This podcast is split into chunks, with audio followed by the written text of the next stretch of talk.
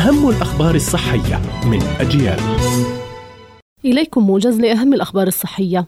المعهد الوطني للسكري وأمراض الجهاز الهضمي والكلى في الولايات المتحدة الأمريكية يشير إلى أن متلازمة القولون العصبي هي مجموعة من الأعراض التي تحدث معا من بينها الألم المتكرر في البطن والتغيرات في حركة الأمعاء وقد تشمل الإسهال أو الإمساك أو كليهما.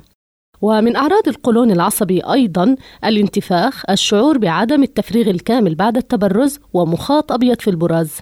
ويعالج الأطباء متلازمة القولون العصبي عن طريق التوصية بإحداث تغييرات فيما تأكله وأخرى في نمط الحياة والأدوية وعلاجات الصحة العقلية.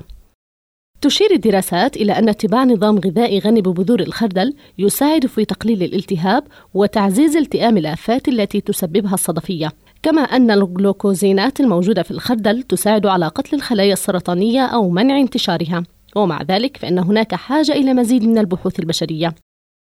التمارين الرياضية باستخدام الأثقال تساعد على تقوية العظام وتقليل خطر الإصابة بهشاشتها ويساعد النشاط البدني المنتظم على زيادة كثافة العظام ويبطئ فقدانها خاصة عند النساء بعد سن اليأس ويساعد النشاط البدني المنتظم أيضا في تحسين أنماط ونوعية النوم إذ يعمل على الاسترخاء وتقليل أعراض الأرق ويساهم في تحسين النوم بشكل عام.